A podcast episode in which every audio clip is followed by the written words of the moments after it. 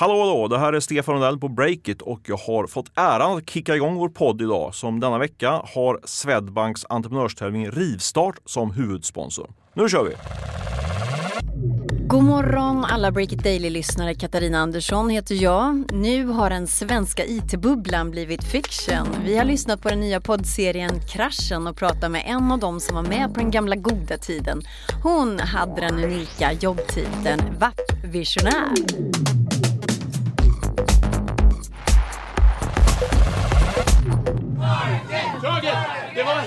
Helt riktigt att gå ut endast digitalt. Därför att de som är intresserade av att följa oss har följt oss. På med nu! Nu kör vi! Mer skåpar än stoppa. Den svenska IT-erans mest intensiva år och den dramatiska kraschen när miljarder gick upp i rök har nu blivit en dramaserie med Johan Stahl von Holstein i en av rollerna. Vi ska strax prata om hur det sett ut om kraschen aldrig hänt. Men först några korta nyheter. Finansinspektionen ger Alma Bolån grönt ljus. Breakit har pratat med grundaren Dan Alp Lindberg som står i startgroparna och vill börja låna ut pengar så snart som möjligt. Alma Bolån är alltså en bolåneutmanare som vill konkurrera med bankerna om allt kräsnare bolånekunder.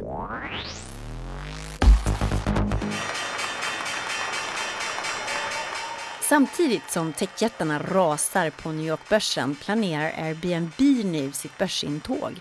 Techcrunch rapporterar att bolaget, som vill göra varje innerstadsetta till ett minihotell, har utsett den tidigare Amazon-toppen Dave Stevenson och lotsa Airbnb genom noteringsprocessen. Om allt går enligt plan så väntas grundarna kunna ringa i börsklockan redan nästa år. Kära svenskar.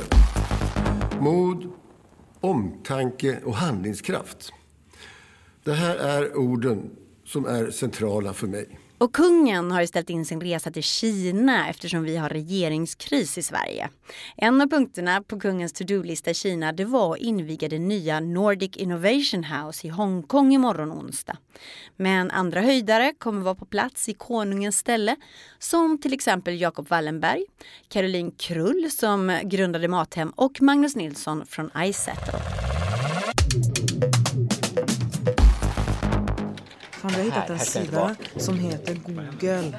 Jag gick in på Alta Vista och kom till en helt annan Alltså, det- sida. Det här är ju typ dubbelt så många som Lycos.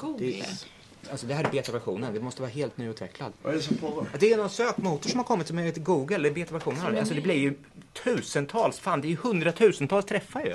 Miljoner. Det här är en scen ur Sveriges Radios nya poddserie som heter Kraschen. Det är en dramaserie som utspelar sig i Stockholm mitt under den brinnande IT-eran när pionjärerna skulle förklara för förvirrade investerare vad internet egentligen var och hur man kunde tjäna pengar på helt nya möjligheter. Sandra Löv, Ja. du var ju med på den tiden. Ja, jag gjorde IT-bubblan fullt ut kan man säga.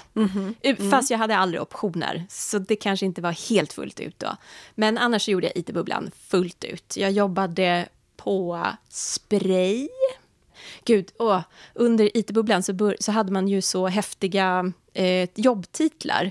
Så att jag har ju bland annat då haft titeln powersurfare som en av de här personerna i, i eh, den här radioserien har också.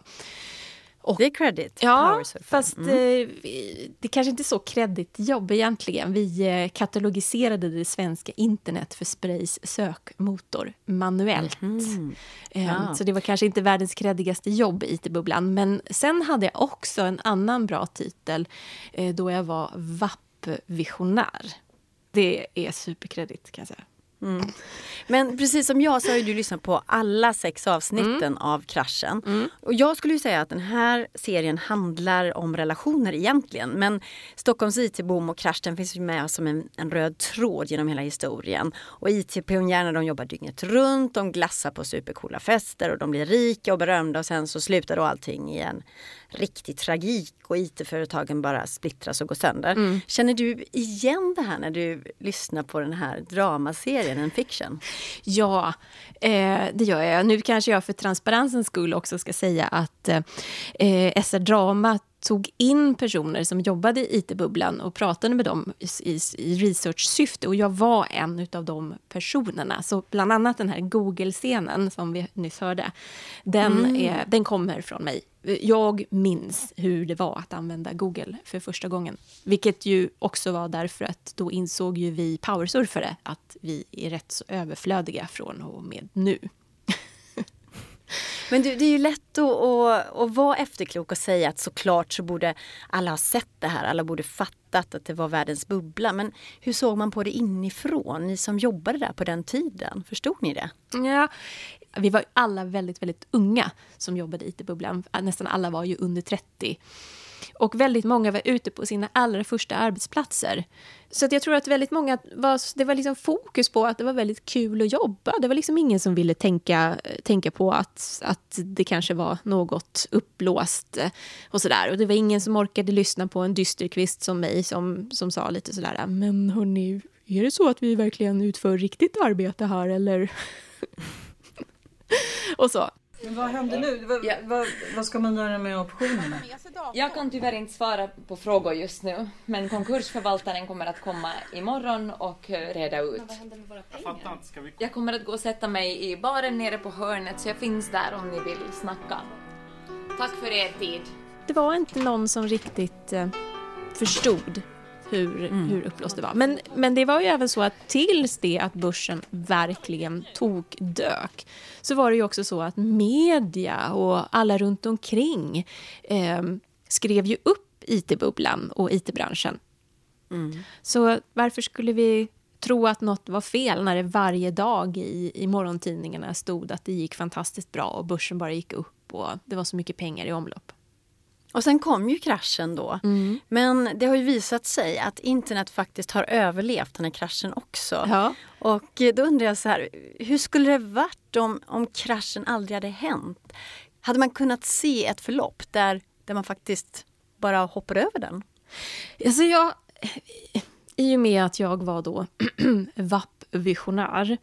Så, mm. så tänkte jag mycket på, på det här under, under IT-kraschen och åren som följde. Att det var så, det tråkigaste med IT-kraschen det var ju just de där innovationerna och företagen. Vad gick vi miste om? För att IT-bubblan blev ju väldigt stor i de nordiska länderna och i Stockholm och la ju grunden också för den IT-kunskap och den, de liksom, de framfötterna som vi ändå visar inom det här området. Definitivt la en grund som vi liksom åtnjuter än idag, en, en, liksom de framstegen och den kunskapen. Men eh, det hade ju varit så himla ballt eh, att se till exempel ifall Nokia eller Ericsson hade, hade uppfunnit smartphonen istället för Apple till exempel. Hur hade det sett ut? Det hade kunnat vända upp och ner på allt as we know it. Breakit Daily är tillbaka imorgon. Olle Aronsson är ansvarig utgivare och jag som heter Katarina Andersson. Jag vill jättegärna höra om dina idéer.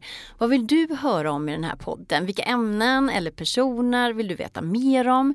Katarina snabelabreakit.se är adressen och det är Katarina med K, precis som det låter.